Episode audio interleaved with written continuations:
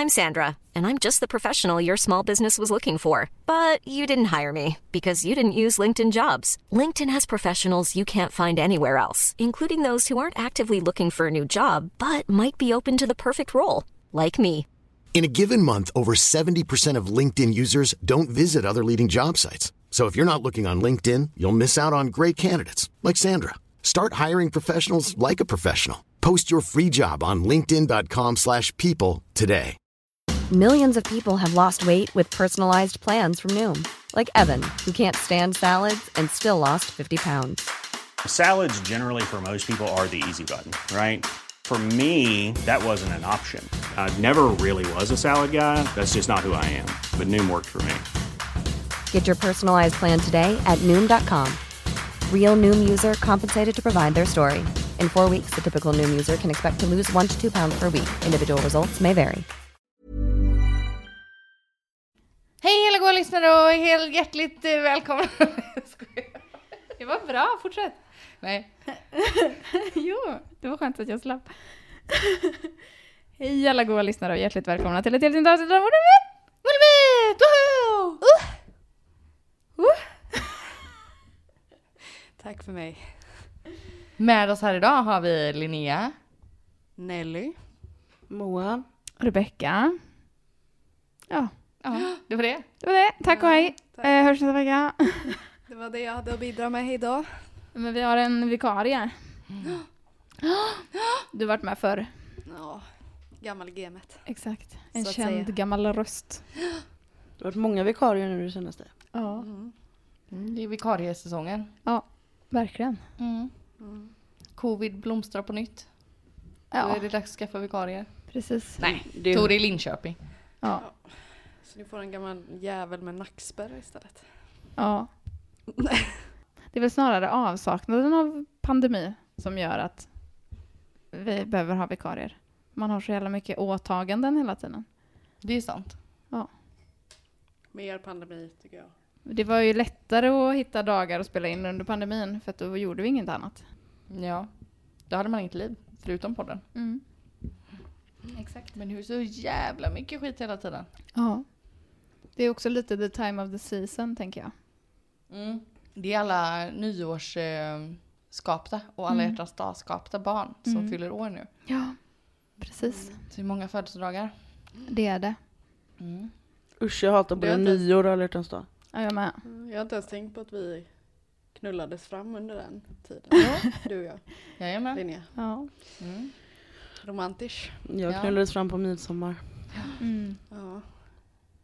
Att Ja. föredra ändå. Och du är ett julknull Nej, men eller? jag gjordes ju i labb. Ja, ja. Jag är ju provrörsbarn. så att, eh, jag vet inte. Oklart. Mm. Labrador. Labrador. Det är Rebeckas stjärntecken. Labrador. Vad heter det? då? Labradorus eh, stjärntecknes. Det heter ju lejon och skorpion. Det heter ju inte leononus och Men det heter ju typ skorpionus. Sagittarius. li- Men det är ju bara på engelska. Ja. Just det. Ja. Sagittarius. är du Sagittarius eller? Jag är Scorpio. Scorpio. Wild and free. Vi ska köra lite trendspaning. Mm. Inne och utelista. Ja. Ska vi köra, vi kör eh, varsin inne. Nej men varsin, det är väl jättebra varsin inne Ja. Och sen varsin ute. Ja. Och eh, som vi har sagt tidigare när vi har kört trendspaning, vi vet ingenting. Vi bara, Vi är bara här för att underhålla. vi vill bara göra content. Ja. Så ni behöver inte bli upprörda och ledsna ifall eh, vi säger att det är fult med raggsockar och ni precis har köpt ett par nya dyra jättefina. Stämmer. Precis. Förlåt, den som har köpt nya, dyra, fina raggsockar kan faktiskt, kan faktiskt gå och gråta för jag kan säga att det var inte Nej, men ett snälla. livsinvestering. Nelly, din eh, innespaning då, det första. Just det. Min första innespaning är ju väldigt göteborgsk då. Men det är ju de gamla spårvagnarna. De tycker jag är inne nu. Du får nog utveckla vad du menar. De nya spårvagnarna hatar jag. Vadå, mm. de som har dörrar på båda sidorna? Ja. Hatar du dem? Ja. Varför då? För det är en sittplats. Ska jag åka till mitt jobb, ska jag åka 40 minuter och stå upp? Det är faktiskt en väldigt Det är fan orimligt. Spaning. Jag tror inte ens att jag åkt en sån spårvagn. Jag har gjort det, jag håller helt med För dig. De är, ofta alltså. De är mm. inte, de är cancelled, de gamla ja, men vagnarna de är, cancel. inne. Mm, jag hatar ju spårvagnar överlag. Jag tar ju alltid bussen om det finns en möjlighet att ta en buss. Mm. Sen är det säkert därför jag inte hamnat på en sån spårvagn än. Är det fruktansvärt? Ja, det är väldigt luftigt och högt i tak. Men det finns ja. ingenstans att sitta. Nej. Men så står man dumt. där liksom, och jag lägger till en liten sån underkategori till min spaning här då, att det är också jävligt ute med folk som har stor ryggsäck på spårvagnen, ja. så står man där packad ja. som en sill och har någons ryggsäck i, i ansiktet mm. som tar upp typ tre platser. Mm. Släng av den, ta bort, avgå. Den får man ut. ha i knät. Nej men jag blir så arg. men jag känner lite samma för det är den, den där öppna delen som man tänker är modern och fräsch ja. och så.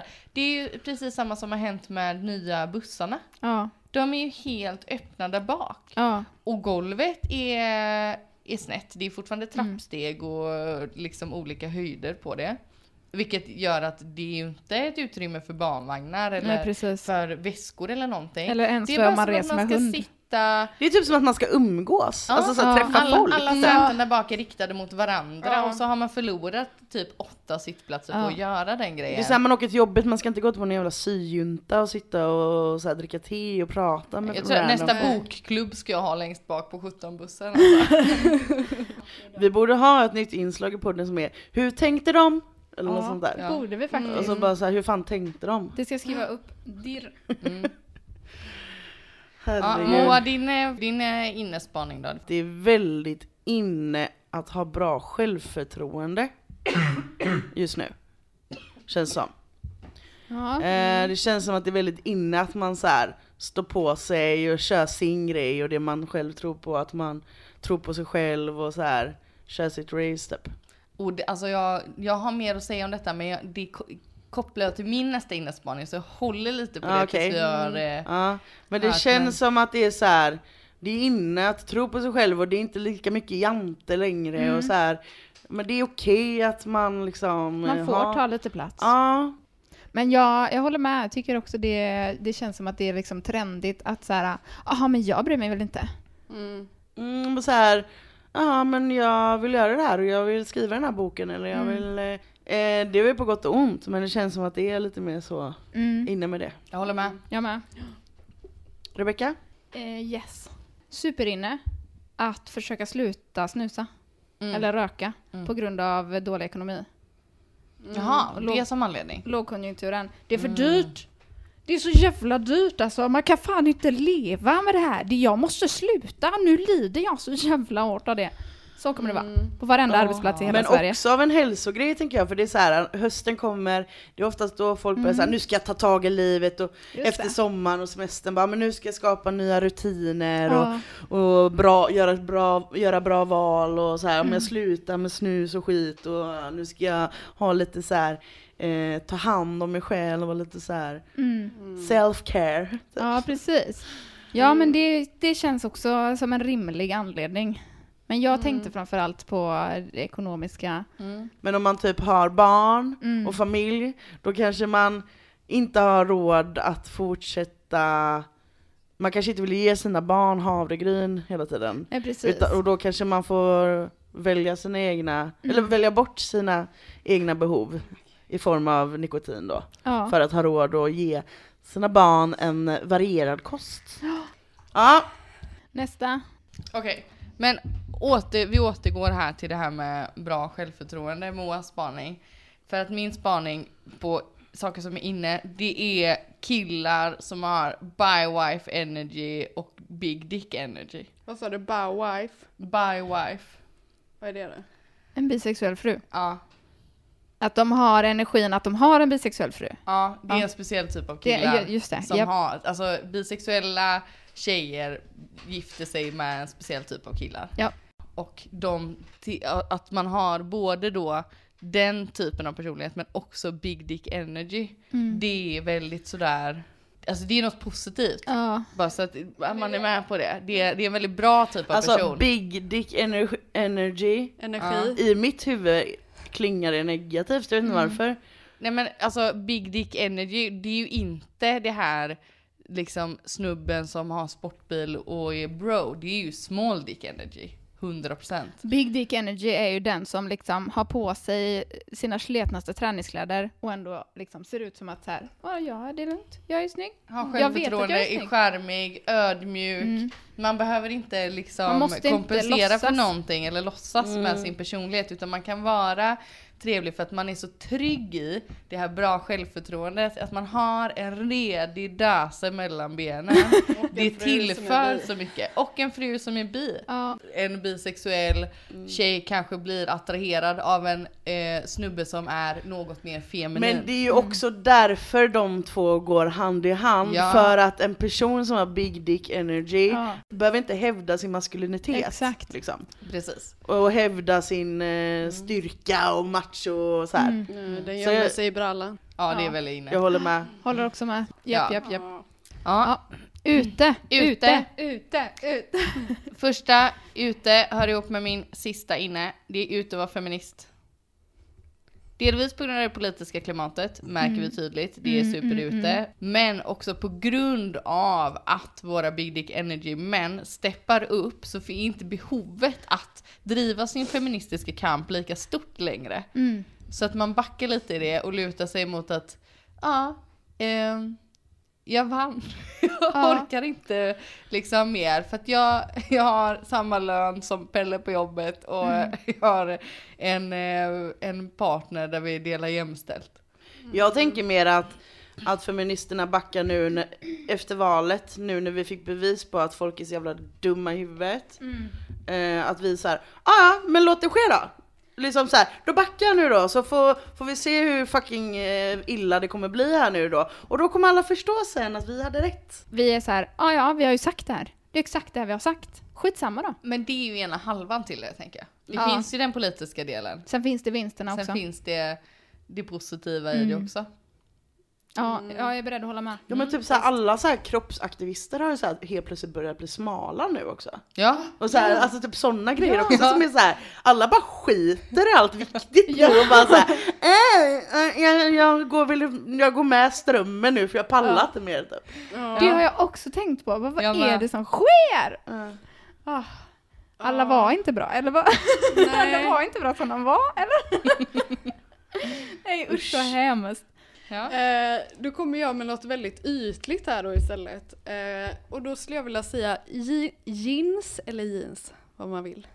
Eh, nej, nej, absolut inte vad man vill. absolut inte. Ute och säga jeans. Ja men jag säger inte jeans men jag vet ju att vissa säger jeans. Ja, men, eller jeans. Men det får man inte. Nej. Så är det bara. Nej, vi, jag, ta bort det, klipp. Eh, jeans med, som är liksom lite ljusare, liksom framme på låret, så att de ja. är liksom mörka ah, men så är det en liten ljus. Alltså jag, åh, jag vill klippa dem, jag vill slå dem, alltså jag, åh, jag, alltså jag blir så de är arg. lite nötta. Nej, men, liksom. oh, Man har haft någon som har nej, suttit och det, De ser inte ens nötta ut utan det är som som ser verkligen helt nya ut och mm. så är det liksom förslitning. Superute. Jätte, jätte ute. Åh, oh, jag vill bara Nu känner jag mig som en sån gubbe det. som bara Varför köper du jeans som är trasiga? Ja, men jag, jag, jag, Köp inte jeans med hål i! Folk får gärna känna så om det här men jag känner bara ta av dem nu. Bort, mm. Rensa ut alla butiker med de jeansen. Jag vill aldrig mer se såna jeans. Tack. Håller med. Håller jag vill med. aldrig se sådana med hål i heller, för jag, jag är en sån gubbe. Jag skulle aldrig köpa ett par jeans som redan har hål i sig. Varför ska jag göra det? För det är snyggt. Nej, det är Men det är också det. lite störande för ibland kan jag så här hitta ett par jeans, jeans, eh, och känna så här, fan vad snygga de var. Det är ett litet hål vid knät. Mm.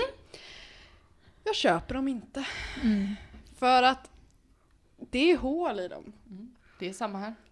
Det känns också alltså, så ute att ha håliga jeans. Mm. Alltså det var ju väldigt inne ett tag, det skulle nästan vara så att halva snoppen hängde ut liksom. Mm. Det skulle vara en reva liksom, du köpte ett halvt par jeans. Ja, också så här reva så att fickan ja, som är inuti ja. liksom sticker ut ur hålet. Sådana jeansshorts där fickan ja. ja. Och det är väl jättepraktiskt och prisvärt för de som gör jeansen för du liksom behöver inte ha så mycket tyg om du ska ha halva benet ute ändå. Men Det är som sådana Nej. klänningar som har en ärm. Här, De här jeansen har ett byxben. ja, lite som när man blir snuvad på sitt bröd när man handlar ett bröd och så är det ett hål rätt igenom.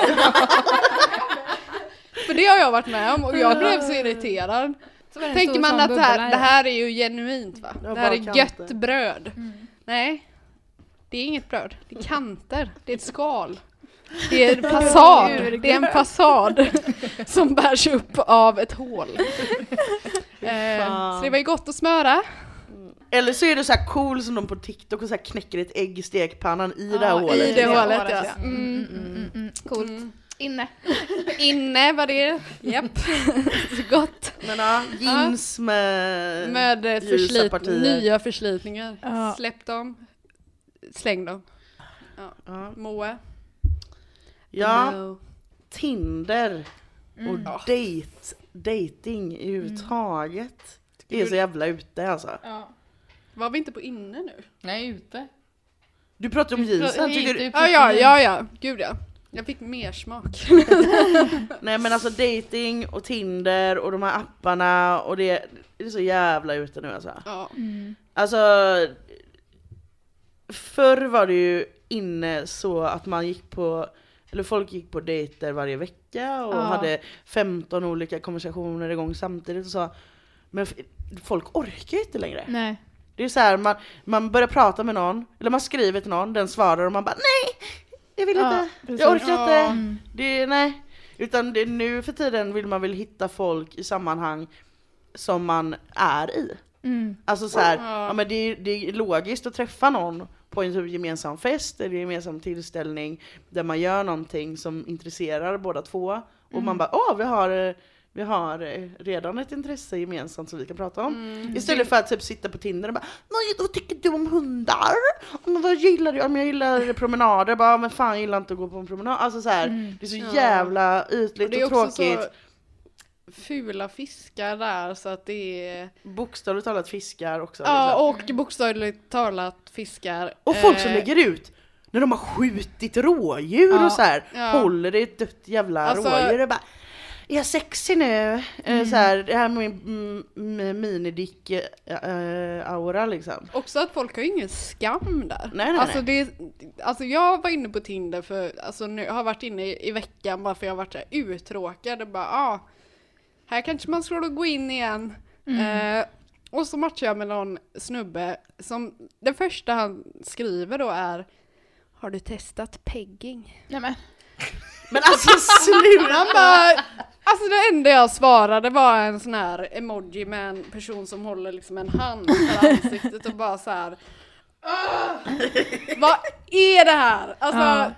Nej men dating är ute. Men Ja. jag tror det också hänger ihop med det jag sa förut, självförtroende. Jag skulle vilja säga mer så här självständig kanske istället. Mm. Att det hänger ihop liksom så här att man, men nu gör jag min grej. Ja Och precis. så här, fuck the rest. Typ så här, hittar jag någon då hittar jag någon längs vägen på min resa här. Mm. Men jag tänker inte liksom svänga om och ta en, eh, inf- en infart tidigare för att Mm. på grund av någon annan eller så här. men också kanske att man har fått lite självinsikt under de här Under pandemiåren. ja. Att så här, nej, vet du vad? Jag förtärnar bättre Ja, och vad det är här. det som är här- viktigt egentligen? Nej, ska jag lägga min energi på det? Nej, det ska jag verkligen inte. Mm. Mm. Kör är det hårt. veckans spaning? Sista utegrejen, pasta ute. Framförallt när den lagas av killar och de talar om att man ska ha lite pastavatten i sig. Ja, det har varit så jävla mycket nu med Benjamin, Det är nu vill jag säga, så. Benjamin Ingrosso men också Bianca Ingrossos pojkvän som Ja. har någon sån pastakanal på youtube Ja. typ. Det blir så Mega här, ute. Ge oss snabbmakaroner och ketchup. Ja. Snubbar som gör pasta har ingen big dick energy. Nej, de har Nej, nej, no nej, chill också, de ska tala Ja. om för en gång efter annan att man måste ha parmesan. Och man måste ri- man inte ska rivas på det här sättet. Det ska inte läggas på i grytan, det ska läggas på vid Man servering. ska fan inte ha grädde i carbonara! Nej. Ja. Och med det går vi över till Ja. veckans fall. Men vi kör.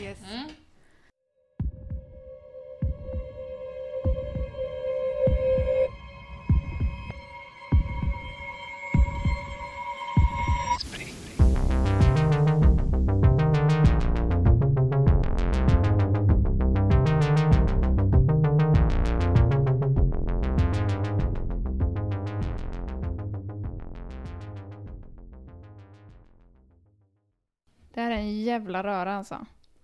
Det är två luriga gubbar på varsitt håll som håller på och krånglar. Den 3 juli 2002 landar polisen Valdemar Davidsson tillsammans med sin yngre kollega Harry Eriksson i Nightmute, Alaska. De har blivit ditflugna då från Los Angeles, där de bor, för att assistera den lokala polisen i en mordutredning. Nightmute är alltså pyttelitet. År 2000 bodde det 208 personer där. Alltså det är tiny, tiny place. Man förstår ju att de behöver liksom skicka in någon utifrån då, för att hur fan kan man hitta en misstänkt bland liksom 208 personer som man känner sen man var bebis typ? Nej, det är så konstigt. Eh, dryga 90 procent av befolkningen i staden tillhör amerikansk, eh, vad heter det? Amer amerikansk ursprungsbefolkning. Ja. Ja. Eh, det ligger typ i höjd med Norden. De har midnattssol. Folk reser med hundsläde på vintern till eh, lokala mataffären och sånt. Ni fattar. Eh, veckans huvudperson då, Valdemar Davidsson, han är i 60-årsåldern. En luttrad så gammal mordutredare. Han har liksom fått en hel del press genom åren för hur han har lyckats se samband typ som ingen annan har kunnat se. För han har satt ett helt gäng dummisar bakom lås och bom och han har gjort det med stil, helt enkelt. Han är också, som man kanske kan förstå, en mycket stressad man eh, med grava sömnproblem. Inte bara för att han just har rest över halva USA precis nyss, men också för att han är huvudpersonen i en internutredning inom polisen, där han åtalas för att ha planterat bevis, offrets blod, i en mördares hem. Så här är hemlis nummer ett då, för det här vet man ju inte då, den 3 juli, men det är precis vad han har gjort. I efterhand så har Valdemar erkänt följande. Jag håller det väldigt kort här, för det är hemskt. Men det är i alla fall en ung pojke som har kidnappats av en pedofil den här pojken utsätts för fruktansvärda saker i tre dagar innan han hittas död. Det finns då inte tillräckligt mycket med bevis för att döma den här äckliga pedofilmannen och han riskerar då att gå fri. Valdemar kan typ inte leva med det, så på något sätt lyckas han få tag i offrets blod som han liksom skvätter på mordplatsen. Sen övertalar han sin chef att få göra en till genomgång av platsen och då hittar han bevisen som han själv har planterat. Den här pedofilmannen döms då till döden och dödas strax innan den här internutredningen börjar. Oj. Eller hur? Eh, to say the least. Valdemar och Harry har då blivit inkallade till Nightmute för att utreda mordet på 17-åriga Katja. Hon försvinner från sitt hem fredagen den 27 juni och två dagar senare hittas hennes kropp eh, på en soptipp inlindad i plast. När kroppen hittas så är hennes hår nytvättat, naglarna är nyligen klippta, hon bär en dyr klänning som inte är samma klänning som hon hade på sig när hon försvann. Eh, på kroppen kan man se en hel del blåmärken, men i övrigt så ser det knappt ens ut som ett mord, utan som en olycka eller typ en hjärtinfarkt. Katja hade två stora intressen, dyra kläder och deckarböcker. Hon spenderade majoriteten, majoriteten av sin tid med sin bästa vän Tanja eller sin pojkvän Robbie. Börjar bli, Rob. börjar bli svårt att hitta, hitta fingrerade namn.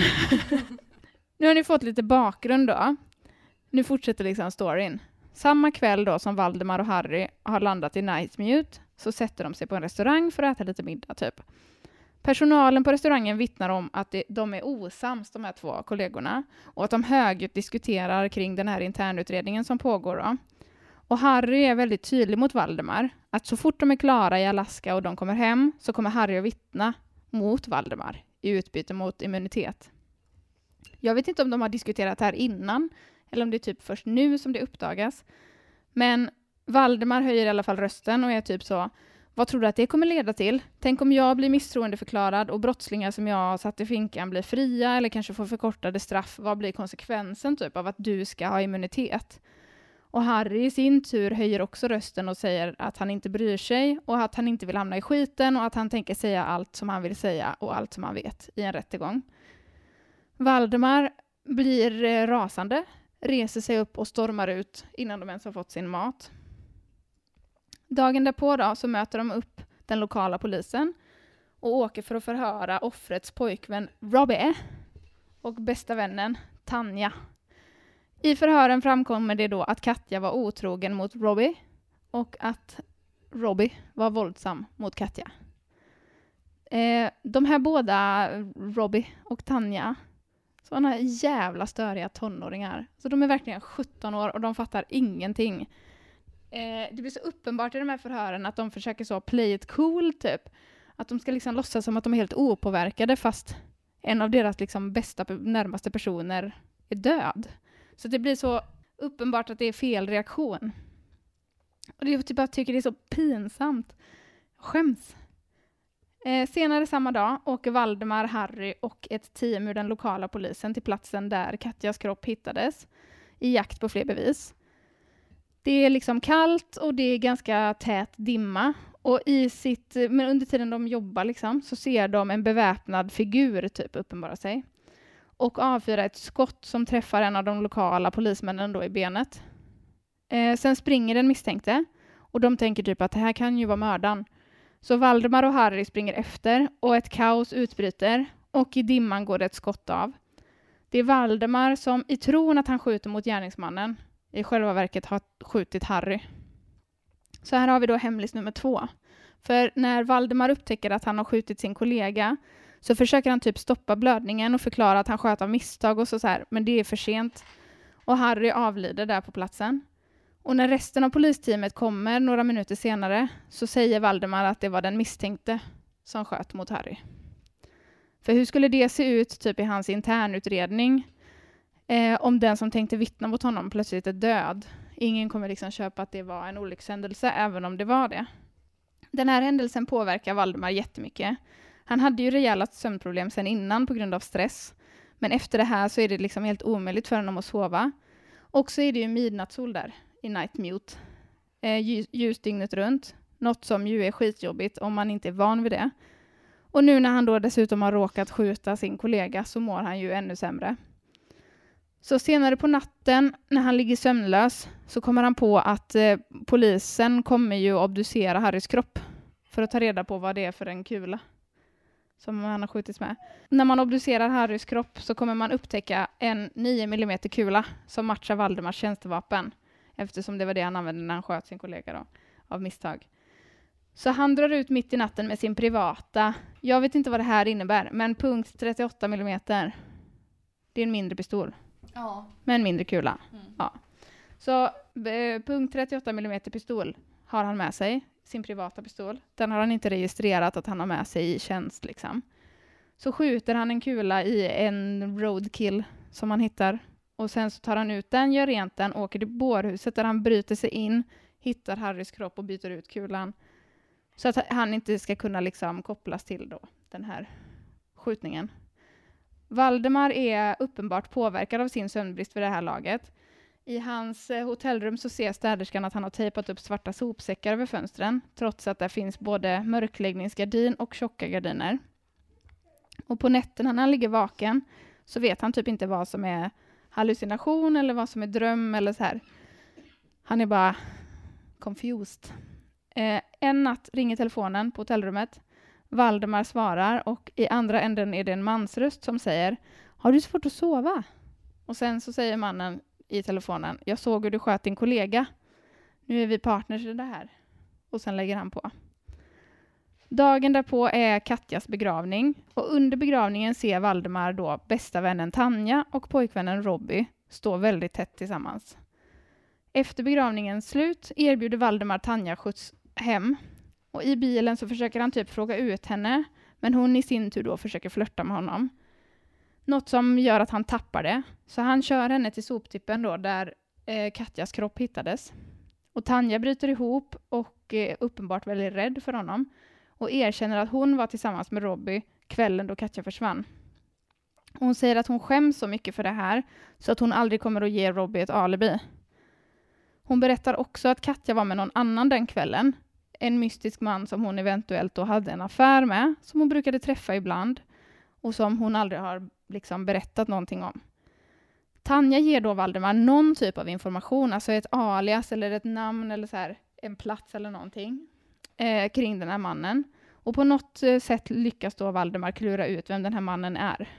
Så då han tar sig helt rätt och slätt bara till den här mannens hus utan husrannsakan eller något. Han bara åker dit, bryter sig in, sätter sig vid köksbordet och bara, jag ska ta honom, typ. Efter ett tag ringer telef telefonen då i huset. Valdemar svarar och det är då samma röst som har ringt honom på hotellrummet. Som säger typ, känn dig som hemma, ta gärna en dusch, du får gärna mata hundarna.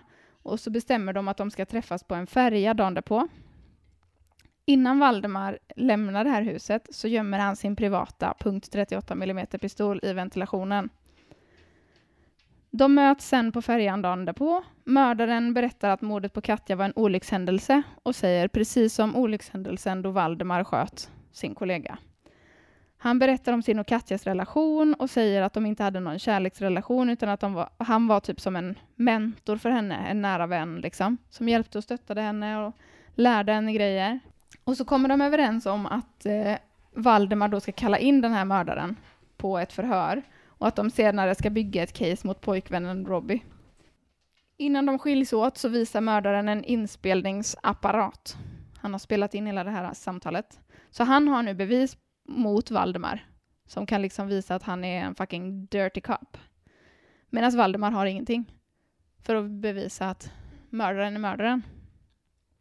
Under den kommande natten så ringer mördaren igen till Valdemars hotellrum och erkänner hur mordet gick till. Han berättar då att Katja kom hem till honom strax före midnatt fredagen den 27 juni. Hon var upprörd och berusad och berättar att hon har fått reda på att hennes bästa vän ligger med hennes kille. Mördaren försöker då trösta henne, typ håller om henne, kysser henne och så. Katja backar undan förvånad och sen så börjar hon skratta och han beskriver det som ett hånskratt. Vilket gör honom rasande, så han slår henne, ger henne en örfil liksom. Och när han då ser hennes förakt och skräcken i hennes blick så blir han så rädd för att han ska förlora henne så att han tappar kontrollen och helt enkelt slår ihjäl henne. Och under sin bekännelse typ för Valdemar i telefonen så gråter han.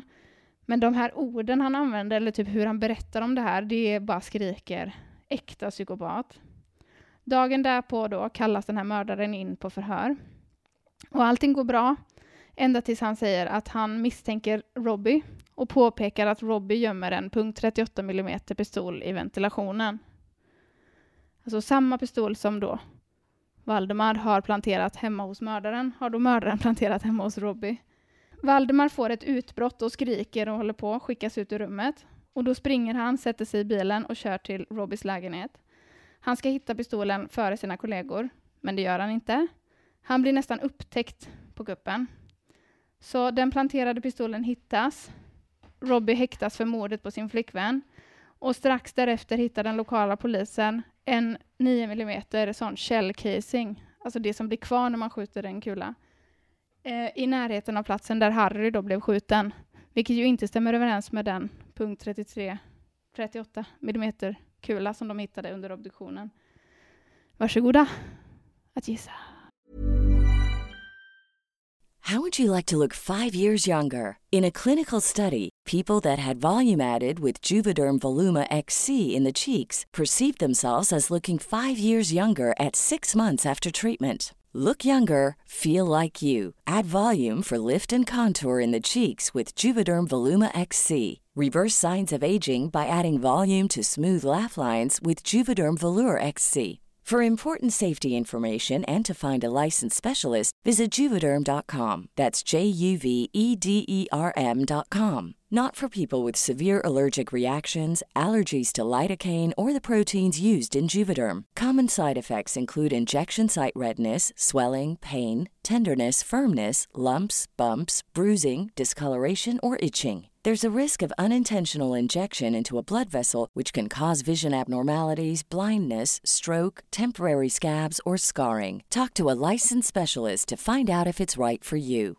I'm Sandra, and I'm just the professional your small business was looking for. But you didn't hire me because you didn't use LinkedIn jobs. LinkedIn has professionals you can't find anywhere else, including those who aren't actively looking for a new job but might be open to the perfect role, like me.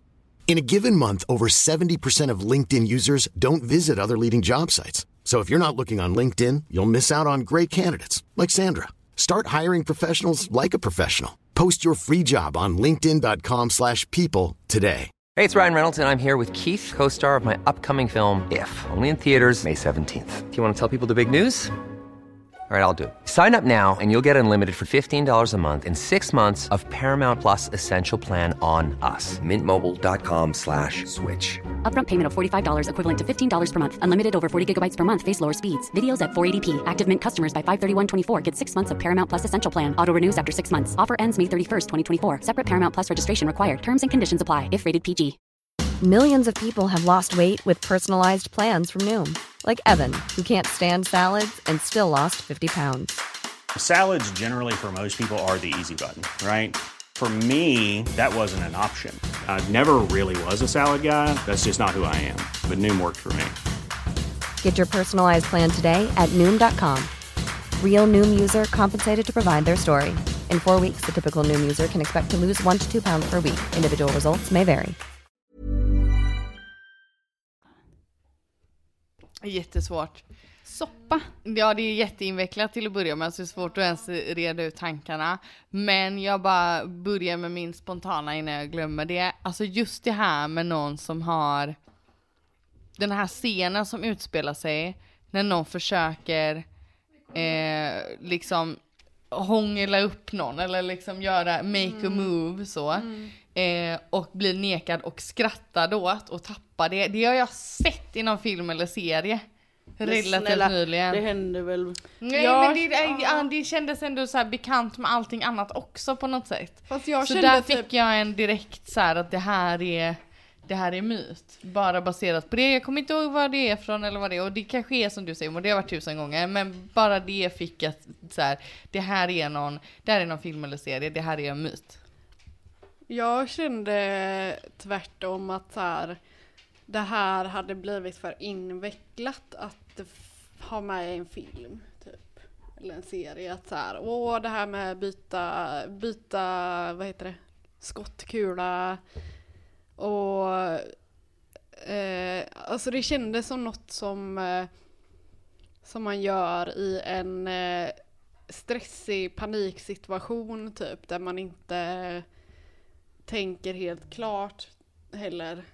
Eh, men eh, som sagt, det kändes för... Eh, det, skulle man ta med allt det här i en film så hade det blivit för rörigt. Så kände jag. Eh, så jag kände inte myt. Utan jag kände mer mord. Jag tycker ju att hela storyn är ju eh, upplagd för att vara en film. Eller ett, en, ett avsnitt i en serie eller någonting. Just det här att det är en polis som typ sätter dit folk för att han tycker att de borde åka fast. Ja, typ, precis, som och- riktig rättvisekämpare som man kanske Ja. faktiskt ömmar med fastän han är lite Precis, ful. och så, så här plantera bevis och eh, kollegan kommer på honom och då måste han liksom få bort kollegan för att han vill inte åka dit liksom. Mm. Och att det bara är han som vet vem den riktiga mördaren är och ingen annan fast han kan inte bevisa det utan för mördaren är smartare än honom och Mm. pla- planterar själv bevis och grejer. Ja, men det känns också som att så här, just i USA, som, alltså man har sett så många dokumentärer och sånt där det, alltså det är så korrupt och eh, liksom det sker så mycket bara inom polisen som är inte okej liksom. Att eh, det är så mycket fuff och fiffel. Eh, och plantera bevis och det här så har man ju sett tusen gånger. Så jag kände ännu mer då att så här, det här eh, känns som ett mord. Ja, och det jag skulle komma fram till var att så här, även om jag tycker att det är upplagt som en film och det är så här spännande, alltså det är så här spännande liksom. Man följer hans resa och hans panik och han ska byta ut kulor och han ska göra ditten och datten för att inte bli synad. Um, ehm, så fick jag ändå av någon anledning magkänslan av att det har hänt på riktigt. Uh, Och jag kan inte riktigt sätta fingret på vad det är, men det kan mycket väl vara som du sa Nelly, liksom det här att det är ju inte första gången man hör talas om poliser som begår brott och av den anledningen inte åker fast för att de är poliser. Och plantera bevis och... Mm, och det är ju här. väldigt lätt eller inte lätt kanske, men det är ju lättare för en polis att lyckas mm. ändra på bevis och sådana saker i och med att man har tillgång till Alltså man har nycklar och kommer in på alla mm. ställena. Man vet hur en polisutredning går till. Man vet liksom vad det är man undersöker och hur man undersöker saker. Eh, man har den kunskapen liksom. Det känns som att det är vanligt att man ser, alltså, ja men typ i dokumentärer och sånt, att, att man har liksom missat något i eh, själva, vad heter det, på mordplatsen eller något har gått snett i utredningen. Och då istället för att liksom erkänna det eller så här så fifflar man till det och försöker få det att se ut på ett annat sätt för att man inte ska veta att, eh, att det är polisen som har begått ett misstag och gjort fel. Mm. Eh, Exakt. Men det kan man ju såklart fånga på i film också. Eh. Jag tänker att det här är för intelligent för att vara en riktig polis. I said it. Men vad är det med det som är intelligent egentligen? Ja. För att de flesta av de här sakerna kan ju vem som helst lista ut att så här, oj, nu kommer de hitta min kula, då får jag byta ut den. Liksom. Eller så här. Jo men hur och veta att du behöver liksom skjuta eh, i ett levande, eller alltså i kött för att det ska se ut som att det är, den stämmer Men han är ju polis. Han är ju mordutredare så han, han eh, vet ja. ju att det kollar man ju efter när man tittar mm. på på kulor när man undersöker dem liksom. Jag tänker att det är så grundkunskaper som de har redan liksom. Kanske. Det tänker jag med. Eh, och också i och med att eh, men den här informationen som vi fick veta som de egentligen inte vet. Än. Mm, det tänker jag också är, alltså det kan ju vara, eh, men så här, hur mycket kommer fram i förhör och hur mycket vet man, man alltså jag vet inte det, det känns ju också ganska typiskt att man får många sådana här detaljer genom att det finns en berättelse om det. Vad menar du? Att just de här hemligheterna, de här eh, sakerna som bara han vet, som han har upplevt, som ingen annan har sett, som inte har kommit fram än i, i det som, som är vår berättelse. Att det är sånt som man kan få veta och som kan komma fram av att det berättas i en film eller serie på ett annat sätt. Ja, eller att det berättas i förhör efterhand. Jo, mm. men jag tror inte att det är så nu. Nej, Nej. det har jag märkt. men vi har ju en argumentation, en diskussion. Ehm. Men ni är två som tror mord och en som tror myt? Eller? Ja, jag tror nog mord ja. Ja, det verkar som det. Verkar som det? Eller vill ni diskutera mer? Nej, Nej men alltså. Det är också så här, jag blir i och med att vi har haft den här podden ganska länge och vi har pratat och lyssnat på många olika fall så känns det som att det är lite för lätt att gissa att det här inte har hänt.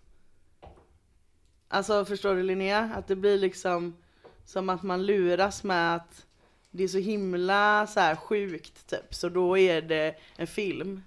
Ja men jag tycker inte att det är så sjukt. Det var mer bara, det är typ magkänsla och för att jag fick upp verkligen en så här flashback från att jag sett det som men jag det, tror det. Men det är ju rätt sjukt att man som polis i mordutredning planterar bevis. jo, och... jo, men det händer ju som Nelly säger, sånt händer ju hela tiden, framförallt kanske i, i USA, men eller så är det bara en bild man har, fördomar man har om polisen där, men mm. det känns ändå som någonting som inte är helt eh, otroligt att det ja, ska vara så. Och sen tänker jag också på så här, vilken press man får som mordutredare som hyrs in från någon annat ställe.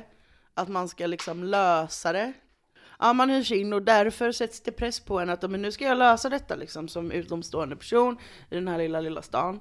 Eh, och, eh, och så blir det kanske inte riktigt som man hade tänkt sig och då börjar man så här, bara, men fan jag vill bara få, jag vill liksom att det här ska bli jag, eller så här, man, börjar, man börjar mer och mer tro på sin egna version av historien och det man tror. Så att man börjar plantera bevis för att få det att bli också men ni förstår vad jag menar, att man, mm, ja. man, man har som press på sig att man ska lösa det så därför ser man till att det blir löst även om det kanske inte är den riktiga lösningen. Eller att, så kanske det är tvärtom, att man inte har så höga krav när någon hyrs in i ett sånt litet ställe för de kanske inte ens har en typ polisstation där. Mm. Eh, och då kanske eh, inte kraven blir så höga. Eh. Nej men jag menar mer hans motiv till att han börjar plantera bevis och ja, sånt är ja. kanske på grund av att han känner press att lösa mordet för att han har blivit ja. inhyrd. Eller att han kommer undan med det. Han kanske bara är en eh, jävlig person. Ja. Men eh, jag står vid att det är ja, riktigt. Två mord en myt. Vi kommer inte bli mm. ense. Två mord är en eh, myt. Eh, det här är en film. Mm. Nej. Du har säkert sett den Linnea. Ja men vad heter den då? Insomnia. Det är Christopher Nolans typ tredje film. Nej jag har aldrig sett den men jag har hört mycket om den. Har du det? Ja men just, men det är någon annan, alltså ni vet han skådespelaren som, eh, han är med i eh, Eh, den heter någonting Ruby, han är författare och skriver och så finns hon. Han är lite så kort, rund, glasögon, brun, lite pottfrilleaktig. Jag har sett den filmen. Vet inte. Jag kommer inte ihåg hur han ser ut. Jag måste visa er en bild för att jag får upp honom, att han typ stryper eller misshandlar någon, någon kvinna när hon skrattar åt honom och är lite såhär psycho. Men han, det är ju inte han som gör det i den här filmen. Så att fortsätt berätta jag om fallet så länge. Eh, nej men Insomnia heter filmen, den eh, kom 2002. Det är Al Pacino i rollen som Valdemar då, Dormer, the dirty cop. Och eh, Robin Williams i rollen som mördaren, Walter Finch. Mm. Eh, det är en remake av den norska filmen med samma namn som kom 1997. Och där är det Stellan Skarsgård som är den här uh, polisen. Och han är alltså en riktigt äcklig person i den norska varianten. I den amerikanska så är det ändå så typ, han har ändå lite hjärta, man vet att han ändå vill väl. Men den norska varianten är verkligen så, han är bara en hemsk, hemsk man.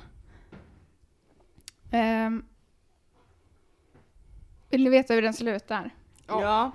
Alltså den slutar med, för det är också en, en lokal polis med, som spelas av, eh, vad heter hon, i Million Dollar Baby? Hillary Swank. Om ni vet. Nej. Nej. Nej. Eh, I alla fall, den här lokala polisen då eh, luras till den här mördarens hus eh, där han säger att han har mer bevis att överlämna typ. Så kommer hon dit och så ser hon klänningen som den här flickan, Katja då, hade på sig när hon lämnade sitt hus. Och sen så inser han, mördaren då, att hon har sett det. Han slår henne i huvudet. Eh, typ då kommer Valdemar då dit. Och så blir det världens liksom shootout. Och världens fight. Och eh, Valdemar och mördaren står typ på en båtbrygga med varsitt vapen och skjuter varandra samtidigt. Och i sitt liksom... Och så ramlar mördaren då ner i vattnet, han är helt så söndersprängd. Eh, och eh, sen så kommer den här unga, snygga poliskvinnan, lokala poliskvinnan, och bara så här, jag har hittat den här källcasingen, jag vet att du planterade bevis. Jag, kan, jag slänger bort den, jag slänger den i sjön liksom, och så låtsas vi som ingenting och så får din legacy liksom finnas kvar. Och då svarar han Don't lose your way. och sen så säger han Let me sleep. Och så dör han.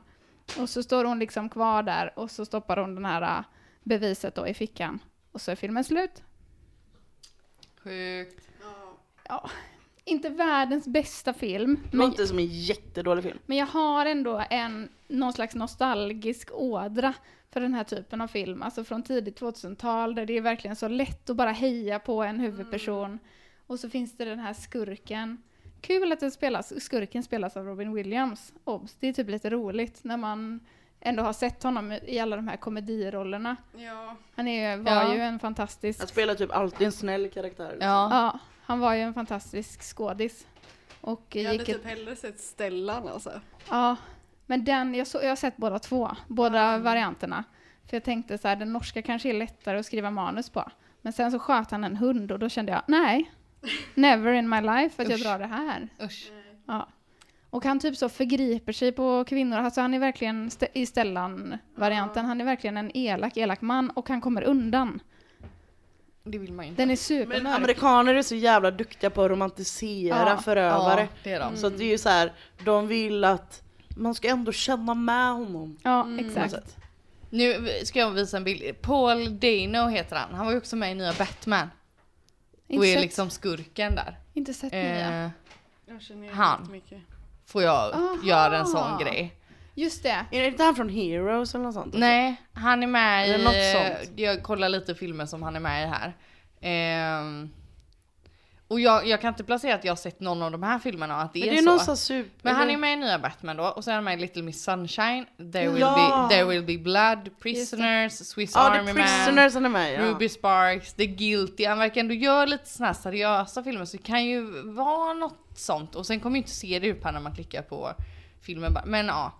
Eh, men han är ju, han har ju sånt utseende som ser väldigt snäll ut men kan vara riktigt obehaglig. Men det är nog för att senast jag såg honom var Batman och där är det så. Så det kan vara att han bara tar den platsen i mitt huvud. Mm. Men jag hade ändå rätt. Trots det. du trots hade att jag inte rätt. Kan få säga. Fan vad jag gillar det. Jag har kämpat kan jag säga med det här manuset. För att jag, när jag hade sett båda de här filmerna och liksom, ni vet, tiden började bli knapp. Mm. Så kände jag så här, fan jag måste ändå, jag måste få ihop det på något sätt. Måste jag kunna skriva ihop det till någonting man kan ändå köpa. Så jag är Men det- superglad att, ni, att jag lyckades ändå. Det var också en liten bit av mig efter att ha erfarit att skriva ett eget manus. Att Ja. försöka göra någonting som är fiktion till att övertala om att det är verkligt. Alltså att jag, jag misslyckades ju helt på att försöka få såna här liksom intressanta detaljer som man kan få av en film eller bok att tillhöra storyn. Utan att sälja in det för mycket. Det Det var jättesvårt. jätte, jättesvårt och det var typ det jag kände att du kanske lite Ja. gjorde nu. Alla de här sakerna som sa, "Ah, men det här är hemligt nu, men det är bara, nej, hur ska man få veta det? Det måste du ha fått veta genom att du har sett någonting Sen så jag. tänkte jag precis som du sa Moa, så tänkte jag så här, det finns ändå en chans att de tänker det är för simpelt för att vara Mm. hittepå. Så ja, ja, det känns ändå Mm. som att jag, då, då känns det som att det var värt att jag la ner den lilla extra tiden för ändå fick ihop det. Ja. Lurifax. Det är jag. Tackar, tackar. Ja. Ja. Ja, nu, det var, det var det. ja, Jag kan tyvärr inte rekommendera någon av de här filmerna. Mm. Men eh, det är klart, om man är ett väldigt stort fan av Christopher Nolan, han Så- är ju bra. han är ju bra. Det här är typ den första, han gjorde två filmer innan, The Following och Memento. Memento, jag vet jag inte om ni har sett det, den här, det är en kultklassiker, den spelas liksom baklänges. Det är kanske den jag tänker att jag ska ha sett. Ja, det kan det vara. Förresten. Den är Så verkligen vara, eh, alltså Mm. en sån som många har sett. Man får veta slutet först. Men det är en sån snubbfilm. Ja, det är det. Som Mm. Fight Club, typ. Japp. Mm, samma kategori av killar som gillar den. Men den här, den här är liksom, man De har märker, inte Big Dick än. Nej. man märker att han eh, kör många av sina, det som sen blir hans liksom klassiska grejer. Det här med att eh, kampen mot eh, de andra, försöka hitta, försöka hinna, försöka så. Och så misslyckandena. Det är ju spännande med sådana filmer, Visst. tycker jag med. Ja. Men eh, jag bara tänkte på det att eh, det är som Moa säger, det är inte Big Dick Energy film, men han Paul Dano som jag tog upp, den Ruby Sparks. Ja. Om en snubbe gillar den filmen, det är ganska Big Dick Energy. Men det är faktiskt en väldigt bra film. Den måste jag ju se känner jag nu. Den har jag sett. Den är- jag tror vi såg den Ja, ihop. jag har sett den flera gånger. Jag tycker Ah. den är väldigt så pass bra. Kul! Jag, ska lägga Jag till tyckte den var på min lite för se- den är för seg för dig Rebecka. Ja, Okej, ja det blir Jag inget. tror inte det, Ja, jag det gillar tror jag. den. Men Rebecka är väldigt Jag är- känslig för Ja. sega filmer, men jag ger det ett försök. Men Ja. jag har för mig, nu var det väldigt länge sedan jag såg den, så man kanske inte borde lita helt och hållet på mina ord heller. Men jag har för mig att den var jävligt seg. Mm. Och så här väldigt, den är väldigt dra, drama liksom. Mm. Så en seg dramafilm. Nej, Fast den, det är den inte.